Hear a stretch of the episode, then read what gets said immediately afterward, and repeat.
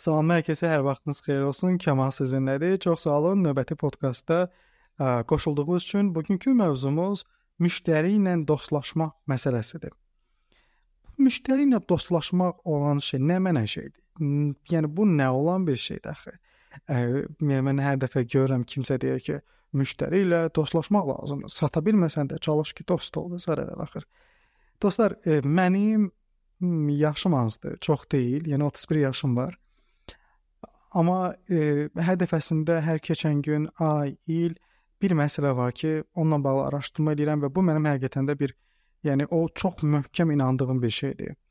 Bizim inancımız, bizim ağzımızdan çıxan sözlər, dilimizdən çıxan sözlər, cümlələr bizim həyatımızı formalaşdırır və bizim reallığımıza çevrilir.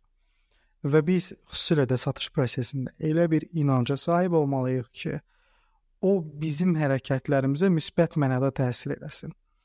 Mən əgər düşünürəmsə ki, müştəri ilə dost olmaq lazımdır, ə, onda mən bir növ sata bilməsəm də başlayacağam hər dəfə müştəriyə bir girişməyə də, birisi yaxşı mənada.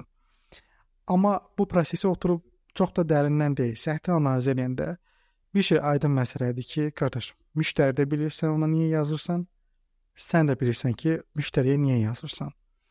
Yəni məqsəd satmaqdır. Elədir və öz-özünüzə sual verin. Bu həyatda neçə dostunuz var? Məndə şəxsən yəni 3 barmağı keçməz də heç vaxt və yaxud da 5 barmağı keçməz. Dost başqa bir şeydir, illərlə qazanılan bir şeydir, sınaqdan keçirilir, nə bilim, bəlkə boşa düşməlidir və s. və ilaxır. A qardaş, sənin əlində nə bilim, nəyin var, bir xidmətin məhsulun var. Bunu satmağa çalışırsan, hamı çox gözəl bilir. Üstə gəlsən müştəri ilə dostlaşmağa çalışırsan, və hər dəfəsində əzilib büzlə-büzlə yazırsan, bu sənin danışığında, yazışmalarında özün göstərir və özünü hörmətdən salırsan. Müştəri ilə münasibətlərdə diqqət etməli olduğumuz yeganə nüans professionallığı qoruyub saxlamağa çalışmaqdır. Deyəsən John Maxwell idi. Onun ə, leadership-lə bağlı bir kitabında deyəsən qeyd etmişlər. Səhv eləmirəmsə ki, insanlar e, yəni müştərilər bəyəndikləri insanlarla iş görürlər. İnsanlar bəyəndikləri insanlarla iş görməyə üstünlük verirlər. Amma satışda biraz fərqlidir. Kiminsə sizi bəyənməsi əla, çox gözəl bir şeydir, amma bu bonusdur. Müştərilər ilk öncə danışdıqları insanların professional, nə danışdığını bilən, inan, inan, yəni inana biləcəkləri və etibarlı bir insan olduqlarını görmək istəyirlər. Bu prosesdən keçəndən sonra bəyənilmək onsuz da qaçılmazdır. Çünki sən məndən işləyəndən sonra, nəticə görəndən sonra deyəcəksən ki, Kamal yaxşı oğlandır. Bu yaxşı məhsuldur. Elədirmi?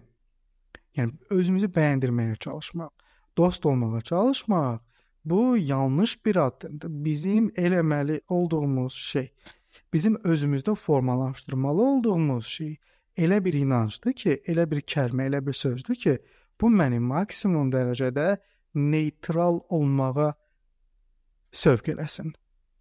Mən müştəri ilə dost olmağa çalışmıram. Mənə lazım da deyil. Yəni mənə lazım olan odur ki, mənim məhsulumu ala biləcək potensial bir insan olsun, fayda əldə eləsin. Fayda əldə eləməsi çox önəmlidir mənim üçün və potensial bir alıcı olsun və əlbəttə ki, mən mütəmadi şəkildə müştəri və satıcı münasibətləri çərçivəsində həmin o insanla daimi əlaqədə olacağam. Necə gedir işlər? Hər şey yaxşıdırmı? A yoxsa gəl gedək oturaq falan yerdə bir vuraq, içək, yeyək, bla bla bla bla bla. Yəni bu lazımlı şeylər deyil. Ə, amma əlbəttə ki Azərbaycan reallığında e, və Azərbaycan reallığından da söhbət getmir. Xaricdə də bunu biz edirik, amma yalnız yuxarı çox yuxarı vəzifəyə qədər gedib çıxandan sonra bir növ Yəni top insanlarla görüşəndə əlbəttə ki, süfrə arxasından görüşürsən, danışırsan, yeyib içirsən və bu istiqamətdə hansısa bir biznesdən danışmaq olar. Amma sən və mən satışa yeni başlayırıq. Elədir.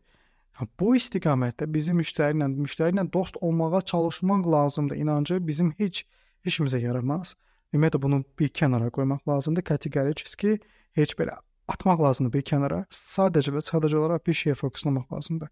Professional səviyyə Professional çərçivədən kənara çıxmamaq şərti ilə neytrallığımı necə qoruyub saxlaya bilərəm?